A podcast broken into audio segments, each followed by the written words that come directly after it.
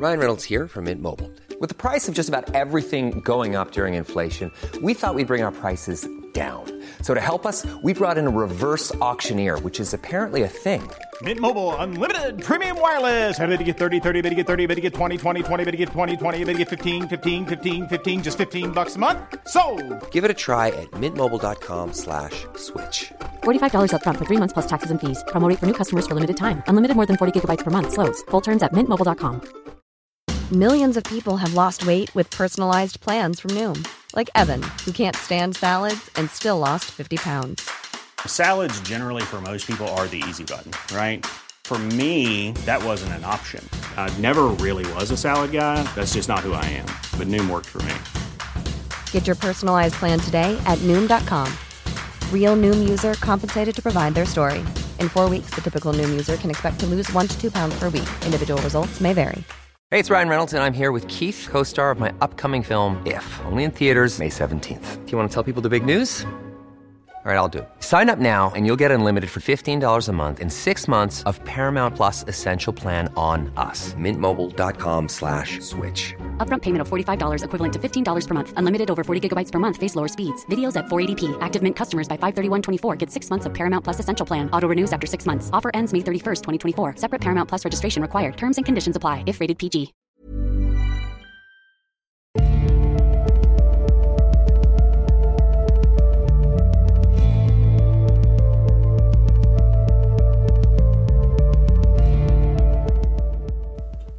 Hei og velkommen til Tåkeprat. Jeg heter Even, og når jeg tar opp denne episode 236, er det lørdag den 10. februar 2024. Jeg må si at det er underlige tider vi lever i. Som forutsett så sliter jeg med å holde meg unna nyhetene i år, nå som det er valg i USA, og et ekstremt viktig valg sådan. Det er spesielt viktig for oss som ikke bor i landet, siden vi har to store kriger gående hvor USA er involvert i begge to. Det er jo ganske utrolig at et land med så mange innbyggere og så mange kloke hoder ikke klarer å hoste opp noe bedre enn de to kandidatene som ser ut til å nå målstreken. På toppen av det hele så har nå altså Tucker Carlson intervjuet Putin, noe som vel må kunne sies å være årets store mediebombe så langt. Som vanlig så er ikke Tåkeprat en politisk podkast, og jeg skal ikke mene så mye om verken det ene eller andre. Men én ting er helt sikkert, og det er at 2024 blir et svært spennende år sikkerhetspolitisk for hele verden. Jeg krysser iallfall fingrene for at ting ikke eskalerer. Men nå skal vi over til dagens episode. I denne delen av historien om Leonardo kommer vi nok til å rette litt på ryktet hans etter den litt ubehagelige historien om Salei i den forrige delen. Dette blir en litt mer fragmentert episode enn hva jeg pleier å ha i tåkeprat. For i denne delen dekker arbeidet Leonardo gjorde mens han bodde i Melano, og akkurat fragmentert er vel nærmest et stikkord når det gjelder Leonardos arbeid. Han var høyt og lavt, og selv om han nå foretrakk å fremstille seg selv som en ingeniør, så stoppet ikke det ham fra å fortsette å male og studere alle andre felt som interesserte ham.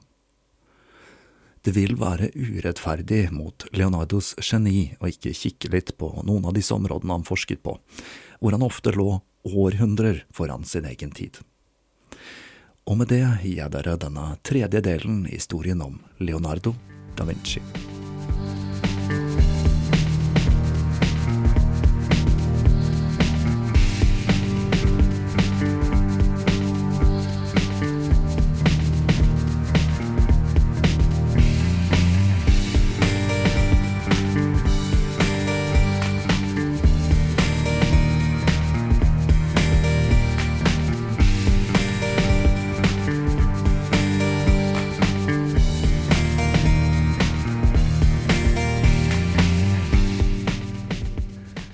I jobbsøknaden skrev altså Leonardo at han ville hjelpe Ludovico med å konstruere hestestatuen han hadde planlagt å få reist til minne om sin far. Og det oppdraget fikk han etter han hadde fått nok gravitas ved hoffet med alle forestillingene sine og alt det andre han stelte i stand av underholdning der. Leonardo fikk en offisiell tittel som ingeniør og maler, Og det var jo akkurat det han hadde ønsket seg, iallfall tittelen som ingeniør. Med stillingen fulgte det assistenter og et studio der han kunne konstruere denne hesten. Lønnen han fikk var god, men det var ikke alltid Ludovico var i stand til å betale det han hadde lovet. Men som vi skal se, fikk han etter hvert en vingård like utenfor Milano av Ludovico, som skulle sørge for at han hadde en stabil inntekt resten av livet. Planen var å lage en virkelig kolossal statue for å sementere familiens posisjon som Milanos herskere. Det Leonardo skulle begi seg ut på, var å lage en statue i bronse med hest og rytter som til sammen skulle veie 75 tonn. Det ville bli den største bronsestatuen som hadde blitt laget fram til da. Rytteren, det var selvsagt faren til, til Ludvigo, hertug Francesco, men Leonardo han var mer fokusert på hesten enn på rytteren, og det gjorde at han begynte med anatomiske studier av hester. Notatbøkene hans fra denne perioden er fulle av sketsjer og diagrammer som viser ulike aspekter av hestekroppen, og han ble så besatt av dette at han bestemte seg for å skrive en hel bok om hesteanatomi. Men som med så mange andre ting han bega seg ut på, så fullførte han aldri denne. Som en del av prosessen begynte han å designe ulike mekanismer som vil gjøre arbeidet i stallen enklere, som mekaniserte foringsmaskiner og apparater som fjernet hestemøkk automatisk. Det at Leonardo begynte å rote seg vekk fra den egentlige oppgaven han hadde fått, nemlig å lage en statue, gjorde at Ludovico ble litt nervøs. Han sendte derfor en forespørsel til Lorenzo den fantastiske om han kunne sende over et par kunstnere som var spesialister på bronsestatuer. Leonardo fikk nyss om dette, og han startet en kampanje hvor han benyttet seg av kompisen sin, som var poeten Piatino Piatti, og han talte hans sak i form av poesi. Og Det førte til at Ludovico til slutt la planene sine om å slippe til andre kunstnere på is. Dette arbeidet det tok jo sin tid, men i 1493 hadde Leonardo klart å konstruere en fullskala leiremodell av statuen, som ble vist fram i forbindelse med bryllupet til Ludovicos niese, Bianca. Den gigantiske statuen ble hyllet av kunstnere og poeter, og den gjorde at Leonardos renommé vokste, nå ikke bare som maler, men også som skulptør. Det å støpe denne enorme statuen var en utfordring. Normalt støpte man store statuer i deler, for så å sette dem sammen og polere over skjøtene. Men Leonardo ville at hans statue skulle være perfekt. Så til tross for at statuens størrelse ville gjøre det enda mer praktisk å gjøre den i deler, bestemte han seg for å støpe den i én enkelt form, for å skape et sømløst, perfekt mesterverk. Planen var å grave ned støpeformen, og opprinnelig ville han grave ned hesten opp ned. Men da innså han at han måtte grave så dypt at det ville treffe grunnvannet, så han bestemte seg for heller å støpe den sidelengs. Det var ikke akkurat noen liten gyngehest vi snakker om her, altså. I 1493 var alt klart for å støpe verdens største bronsehest men i 1494 invaderte Karl 8., og Ludvico han trengte bronsen som var tiltenkt statuen, til å støpe kanoner. Og med det ble enda et av Leonardos prosjekter kokt ut i kål. Som et tragisk punktum på historien om hesten ble leirmodellen brukt som blink av franske tropper når de invaderte Milano i 1499, og med det ble den ødelagt for all tid. Dette får meg av en eller annen grunn til å tenke på når Taliban ødela buddha-statuene i Afghanistan i 2001, selv om det egentlig er en litt dårlig sammenligning. Leonardo var jo stolt av at han ikke hadde en klassisk utdannelse, men mens han var bosatt i Milano, forsøkte han å lære seg latin, men han skulle aldri helt fått reisen på det. Heldigvis for ham var dette i perioden der trykkekunsten vokste fram og med det ble Leonardo en av de første europeiske intellektuelle som tilegnet seg vitenskapelig informasjon uten å kunne latin eller gresk. I årenes løp bygget han seg opp et omfattende bibliotek, eller iallfall omfattende for tiden han levde i, og bøkene reflekterer de ulike interessene hans, fra strategi og fysikk til kirurgi og filosofi. I tillegg til å lese var Leonardo veldig glad i å prate med folk, og han så på det som en like viktig måte å tilegne seg informasjon på. Med alt dette i bakhodet begynte Leonardo å utvikle hva som må kunne kalles en tidlig versjon av den vitenskapelige metode. Han sa at selv om et naturlig fenomen begynner med en årsak og ender med en opplevelse, må vi som ønsker å forstå årsaken, følge den motsatte rekkefølgen. Vi begynner med opplevelsen, for så å finne årsaken. Leonardo begynte å utføre en rekke eksperimenter der han brukte observasjon av fenomener som utgangspunkt. Et godt eksempel på dette er når han begynte å studere fuglers vingebevegelser for å finne ut om de beveget vingene sine raskest nedover eller oppover. Det han kom fram til i det tilfellet, er at det avhenger av arten, og at det er en sammenheng mellom vingebevegelser og formen på stjerten til fuglen men selv om han var en tilhenger av praktiske eksperimenter og observasjon, var han også svært klar på at fysiske eksperimenter uten inngående kjennskap til de underliggende teorier var en dåres ærend. Allegorisk beskrev han den praksisen som en sjømann som drar til havs uten kart og kompass. Dette gjør at Leonardo på mange måter kan ses som, om ikke grunnleggeren, som en viktig byggekloss i den vestlige vitenskapelige modellen mer enn 100 år før Galileo. Tidligere hadde det vært muslimske vitenskapsmenn som hadde stått for inngående observasjoner og målinger av naturlige fenomener. Som den arabiske fysikeren Ibn al-Haytam, som alltid 1021 skrev en tekst om optikk hvor han med eksperimenter og observasjon beskrev hvordan det menneskelige øyet fungerer. Vi står alle på skuldrene til kjemper, og det gjorde Leonardo også. Hans inspirasjonskilde Alberti og ham selv skulle hente inspirasjon fra den arabiske fysikeren når de utførte sine egne optiske eksperimenter. Leonardo hadde noen egenskaper som gjorde ham spesielt egnet til å bruke observasjon til å danne hypoteser. Han hadde et veldig skarpt øye, som han blant annet brukte til å studere vingebevegelsene til øyenstikkere. Et annet eksempel er når han en kveld oppdaget at bygninger ser mindre ut når lynet slår ned bak dem.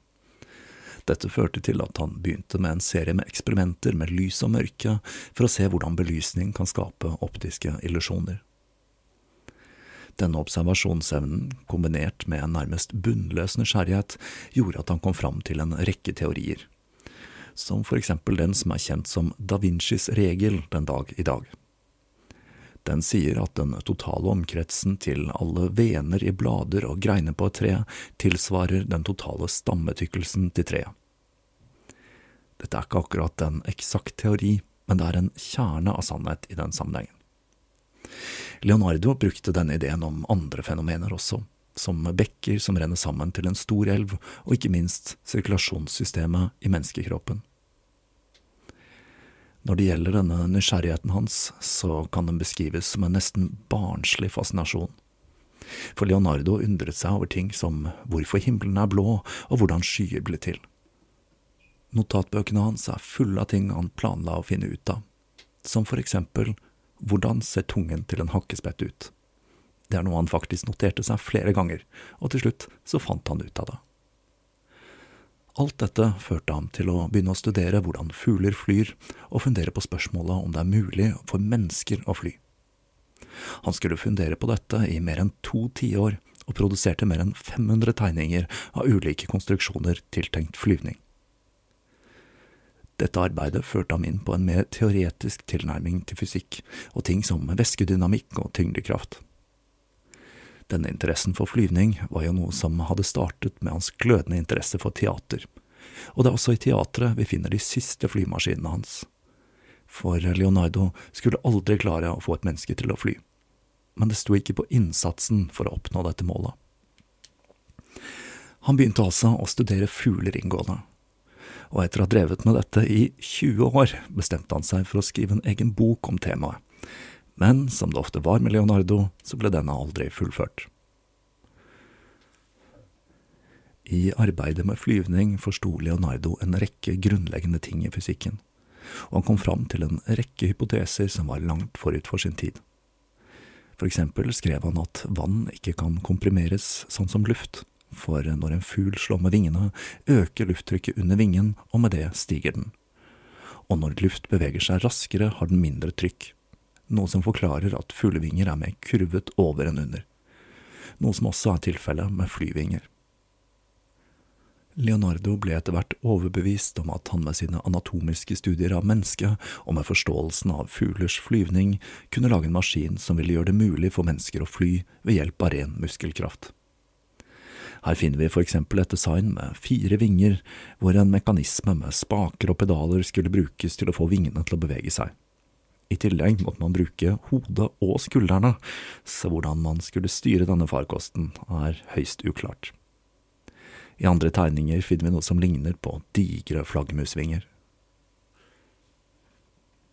Innimellom virker det som om han ga litt opp denne ideen om å lage en innretning som var drevet av muskelkraft, og han tegnet hva som kan minne om hangglidere.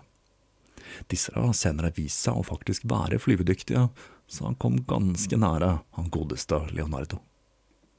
Leonardos fascinasjon for maskineri var knyttet til interessen han hadde for bevegelse og han så på mennesker og maskiner som apparater som var skapt til dette formålet. Leonardo gikk grundig til verks når han beskrev hvordan maskinen hans overførte energi og bevegelse. Noen av de mest sinnrike innretningene hans utforsket hvordan man kan holde en bevegelse jevn, ved for eksempel å bruke energien fra en fjær, noe som er en spesiell utfordring i klokker. I renessansen var nettopp dette å utnytte energien i en opptrekksfjær en utfordring mange brynte seg på. Og på en av Leonardos tegninger kan vi se hvordan han løste dette ved å benytte seg av spiralformen han hadde en endeløs fascinasjon for. Formålet til de ulike typene maskineri han tegnet, var å kontrollere energi slik at den kunne brukes til å utføre ulike oppgaver. Han var svært opptatt av å bruke menneskekroppen, og utforsket hvilke muskler som var best egnet til ulike bevegelser, fra å løpe på en tredemølle til å dreie sveiver, og hvordan denne energien best kunne overføres til maskineri som kunne gjøre ulike ting. Et eksempel på en maskin han designet, var en nålsliper, som var tenkt å kunne masseprodusere nåler til tekstilindustrien. Ifølge hans beregninger kunne han tjene seg rik om han satte maskinen i produksjon, men for Leonardo holdt det med å finne den opp på idéstadiet, og dette understreker jo virkelig at det var nysgjerrighet og ikke penger som drev ham. Han forsøkte seg også på andre typer energikilder enn menneskekroppen, som for eksempel vannkraft, som kunne drive alt fra sagbruk til silkspinnerier. Et konsept som holdt en spesiell fascinasjon for ham, var drømmen om en evighetsmaskin. Han tenkte at dersom han klarte å fjerne all motstand mot et objekt i bevegelse, så ville det være. If you thought the only way to get a more defined jawline with natural looking results was through surgery, think again. Juvederm Volux XC is a non surgical injectable gel filler that improves moderate to severe loss of jawline definition and can help you achieve natural looking results with little downtime. Even better, this improved definition lasts up to one year with optimal treatment. No maintenance required. Improve jawline definition for a smooth, sculpted look with Juvederm Volux XC. For important safety information and to find a licensed specialist, visit juvederm.com. That's J U V E D E R M.com. Not for people with severe allergic reactions, allergies to lidocaine, or the proteins used in Juvederm. Common side effects include injection site redness, swelling, pain, tenderness, firmness, lumps, bumps, bruising, discoloration, or itching. There's a risk of unintentional injection into a blood vessel, which can cause vision abnormalities, blindness, stroke, temporary scabs, or scarring. Talk to a licensed specialist to find out if it's right for you. Hiring for your small business? If you're not looking for professionals on LinkedIn, you're looking in the wrong place. That's like looking for your car keys in a fish tank. LinkedIn helps you hire professionals you can't find anywhere else, even those who aren't actively searching for a new job but might be open to the perfect role. In a given month, over 70% of LinkedIn users don't even visit other leading job sites. So start looking in the right place. With LinkedIn, you can hire professionals like a professional. Post your free job on linkedin.com slash people today. Han begynte å tegne skisser av maskiner som var tenkt å kunne oppnå dette, og det var spesielt maskineri drevet av vannkraft han vant lovene. Som vanlig var tegningene hans en måte å visualisere og tenke ut konseptene på. Men som vi vet, nå som vi har termodynamikk og litt mer avansert fysikk, så er det ikke mulig å lage en evighetsmaskin. Og det var også konklusjonen Leonardo selv kom fram til. Men han lærte av disse eksperimentene, og det førte til at han begynte å forske på friksjon. Han gikk metodisk fram, og dette førte til flere oppfinnelser som forbedret maskinene hans. Han var den første som tegnet inn smørepunkter på maskineri, noe som viste seg effektivt for å redusere friksjon, og han var også den første som benyttet seg av kulelager for å oppnå det samme. Og det som kanskje er enda mer imponerende, er at han var den første som lagde en legering som reduserte friksjon.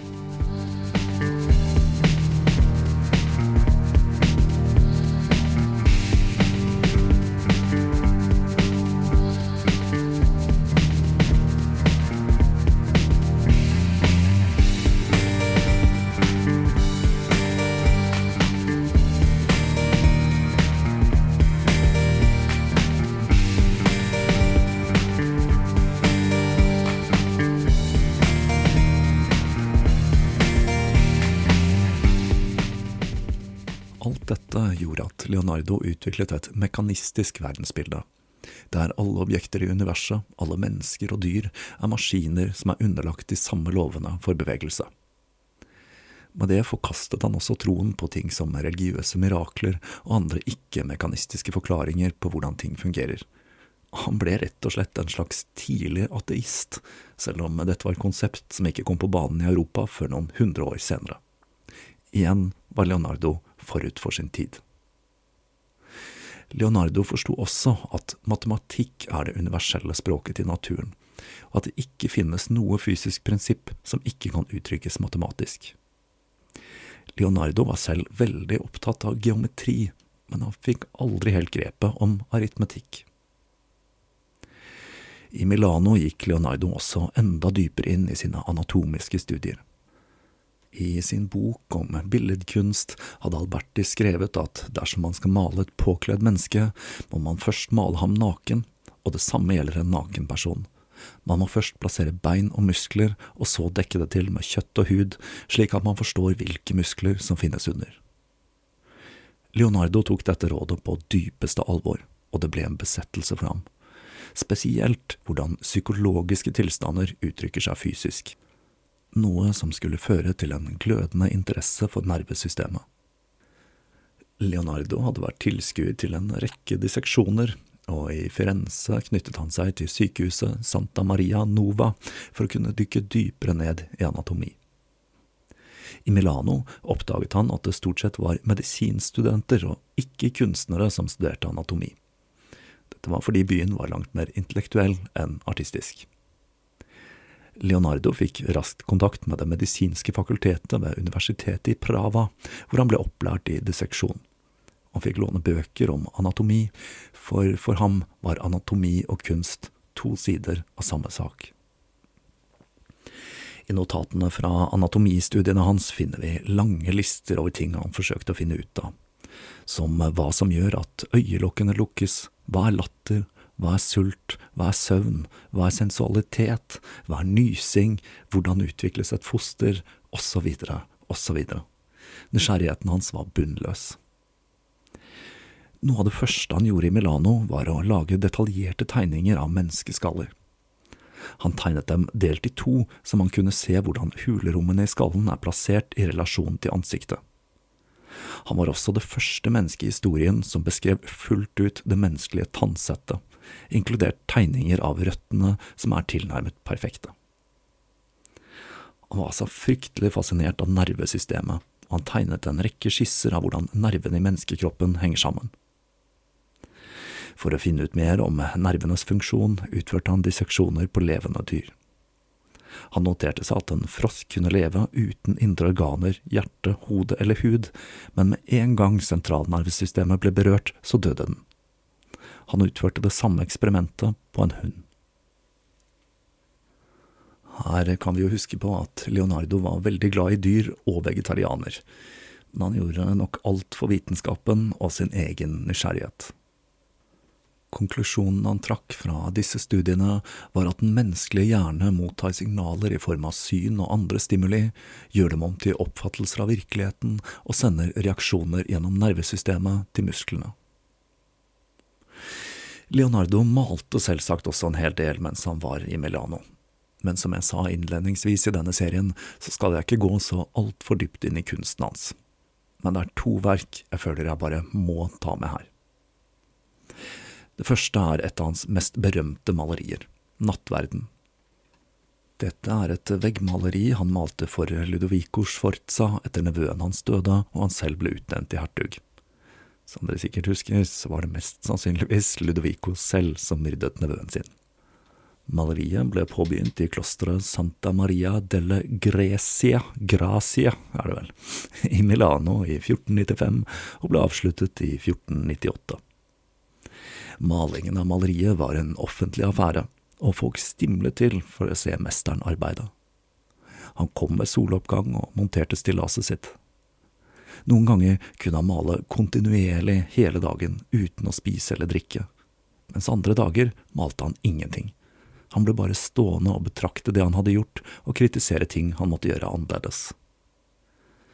Det at arbeidet gikk litt i rykk og napp, fascinerte publikum, men Ludovico han begynte igjen å bli bekymret for denne prokrastineringen til mesteren.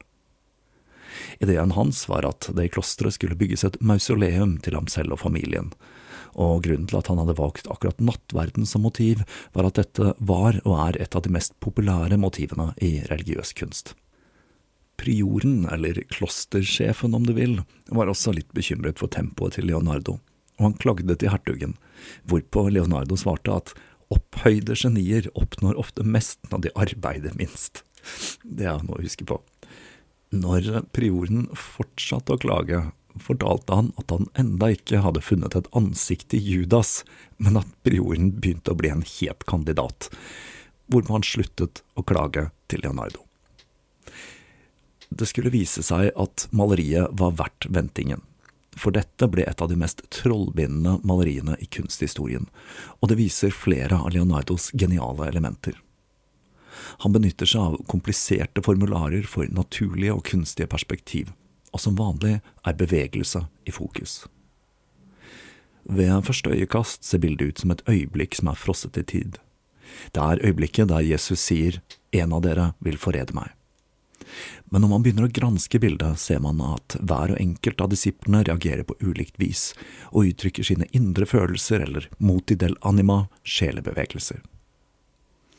Bildet er egentlig for stort til rommet det er i, så Leonardo måtte ty til optiske illusjoner for å få det til å fungere.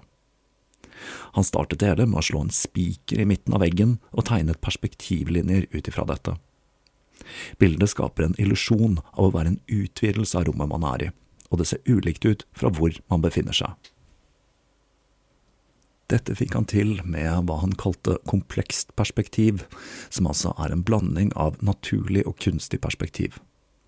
Men for de som føler for å gå dypt inn i den materien, og hvordan han gjorde det, vil jeg anbefale å plukke opp en bok om kunsten til Leonardo, for jeg skal ikke gå dypere inn i det her. Det som er veldig interessant med Nattverden, utover at det er et fantastisk stykke kunst, er at Leonardo hadde aldri lært å male fresker. Når man maler fresker, må man male på våt kalk, og man må være rask, og det var ikke Leonardos stil. Når han brukte oljemaling, malte han tynne lag på tynne lag, og brukte ekstremt lang tid for å skape skygger og effekter. Leonardo bestemte seg derfor for å male rett på gipsveggen framfor å bruke kalk. Han grunnet med hvit stein og bly før han brukte en egenkomponert maling. Resultatet var altså fabelaktig. Men Leonardos eksperimentelle måte å male fresker på tålte tidens tann dårlig. Etter bare 20 år begynte malingen å flasse av, og i årenes løp har det vært gjort seks store forsøk på å restaurere bildet. Flere av dem har bare gjort vondt verre. Den siste restaureringen ble påbegynt i 1978 og tok hele 21 år, og i dag fremstår bildet så nær originalen som det er mulig å få det. I perioden han bodde i Milano, malte Leonardo en rekke portretter, og det er et av disse jeg føler jeg bare må ta med her i denne serien, rett og slett fordi bildet er et av hans aller beste, og det er Damen med hermelinen. Damen på maleriet er Cecilia Gallerani. Det var ei vakker kvinne, eller jente om du vil, hun var ganske ung, som kom fra den milanesiske middelklassen. Faren hennes var en diplomat og finansiell rådgiver for Ludovico, og moren var datteren til en anerkjent jusprofessor. Dette var ikke en spesielt rik familie. Faren døde når Cecilia var sju, og de seks brødrene hennes delte arven. Men til tross for at de ikke var rike, var de svært velutdannet. Cecilia skrev poesi og brev på latin. I 1483, når hun var ti, ble hun forlovet med Giovanni Stefana Visconti, men denne forlovelsen ble brutt siden brødrene ikke hadde klart å betale det de skulle av medgift. Men det kan tenkes at det var en annen grunn til det også, for Ludovico hadde blitt interessert i Cecilia. Når hun var 15, flyttet hun inn med Ludovico, og ett år senere ble hun gravid. Det var selvsagt noen skjær i sjøen, for Ludovico han hadde blitt lovet bort til Beatrice, datteren til hertugen av Ferrara, noe som ville bety en viktig politisk allianse for Sforza-familien. Men Ludovico var hodestups forelsket i Cecilia, og var heller mindre entusiastisk når det gjaldt ekteskapet, og på grunn av det ble det utsatt. Han ble likevel gift med Beatrice til slutt, og selv om han etter hvert skulle lære seg å respektere og like henne, fortsatte han forholdet med Cecilia fram til hun fødte ham en sønn. Like etter det sørget han for å få henne gift med en velstående hertug. Cecilias skjønnhet skulle bli fanget for all tid i et av Leonardos mest kjente malerier. Det var et han malte på oppdrag av Ludovico rundt 1489, når hun var 15 og forholdet til Ludovico var på det mest intense. Leonardo benyttet seg av oljemaling på valnøttpanel, og maleriet han malte var så iøynefallende at det endret hvordan man så på portrettmaling for all ettertid. Fremfor å male henne i profil, valgte han å male henne i tre fjerdedels profil. Kroppen hennes vender mot venstre, mens hodet vender mot høyre og ser mot noe utenfor bildet. Hermelinen, eller røyskatten hun holder, ser også ut til å følge med på noe, og ørene lytter tydelig på vakt. Leonardo elsket altså ordspill, og vi finner masse referanser i bildet. På gresk er røyskatt galé, som spiller på navnet Gallerani. Røyskatten var også et symbol på renhet, og i tillegg hadde Ludovico blitt innviet i røyskattordenen av kongen av Napoli, så valget av kjæledyr er langt fra tilfeldig. Jeg har valgt dette bildet til å illustrere episoden, for i likhet med Ginevra di Benci er dette et man kan studere i timevis. Uttrykket til Cecilia viser nettopp hennes indre følelsesliv. Jeg klarer ikke helt å sette fingeren på hva det er, men Leonardo formidler en subtil følelse. Kanskje den kommer av at Ludovico står i utkanten av bildet, og at det er han Cecilia ser på. Bildet fanger også opp Leonardos forståelse av anatomi. Ikke bare kan vi se hvordan muskler og sener beveger seg i hender og nakke på Cecilia, men også anatomien og muskulaturen til røyskatten er realistisk. Dette er et av de bildene som får en til å revurdere hva kunst kan være for noe. Man kan se på det igjen og igjen, og hver gang er følelsen der, like subtil, men kanskje litt annerledes enn sist som et ekko fra affæren mellom Cecilia og Ludovico som utspant seg for mer enn 500 år siden.